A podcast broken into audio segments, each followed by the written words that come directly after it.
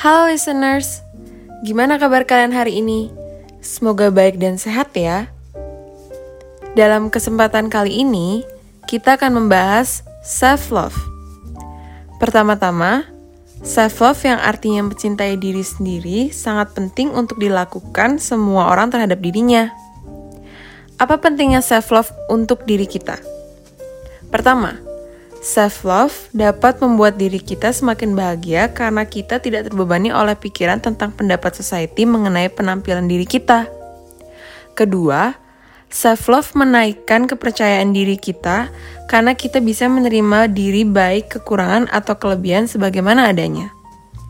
Ketiga, bangga akan kepercayaan yang berhasil dilakukan karena hal tersebut merupakan hasil dari jeripaya dirimu selama ini.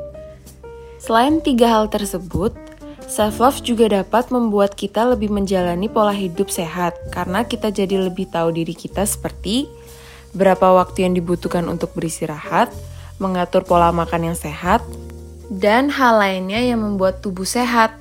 Karena adanya self-love akan membuat kita semakin berusaha untuk memenuhi kebutuhan tubuh kita masing-masing. Menerapkan self-love dalam kehidupan kita juga dapat membantu menjaga mental health kita. Mengapa? Karena dengan mengerti kebutuhan tubuh, menerima diri apa adanya, tentu akan menambah hal-hal positif di kehidupan kita yang akan membuat resiko stres menurun dan juga membantu menjaga kesehatan otak yang secara tidak langsung dapat mempengaruhi kondisi mental seorang. Mencintai diri sendiri bukan hanya sebatas memanjakan diri, misalnya dengan membeli barang atau makanan kesukaan.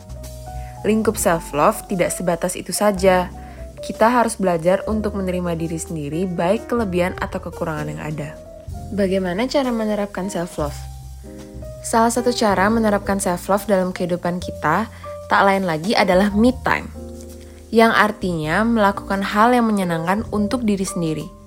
Sendiri bukan berarti kesepian, Me time dapat menjadi momen untuk menyegarkan pikiran sekaligus menyehatkan tubuh.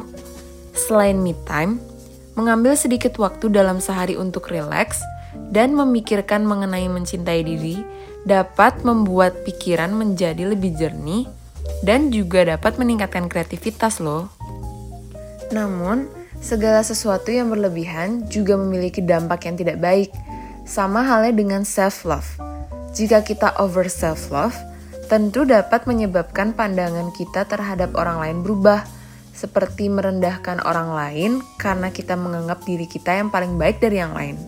Jadi listeners, cukup banyak kan keuntungan yang akan didapat jika kita menerapkan self-love dalam kehidupan kita? Mulai dari sekarang, yuk belajar untuk menerima dan mencintai diri kita sebagaimana adanya. Namun, tentunya jangan sampai over self-love ya, karena akan membuat orang di sekitar kita merasa tidak nyaman. Sekian dari kami, selamat beraktivitas dan semoga sehat selalu. Kami mendoakan yang terbaik untuk para listeners. Stay tune untuk podcast kita berikutnya ya. Selamat malam minggu. Bye.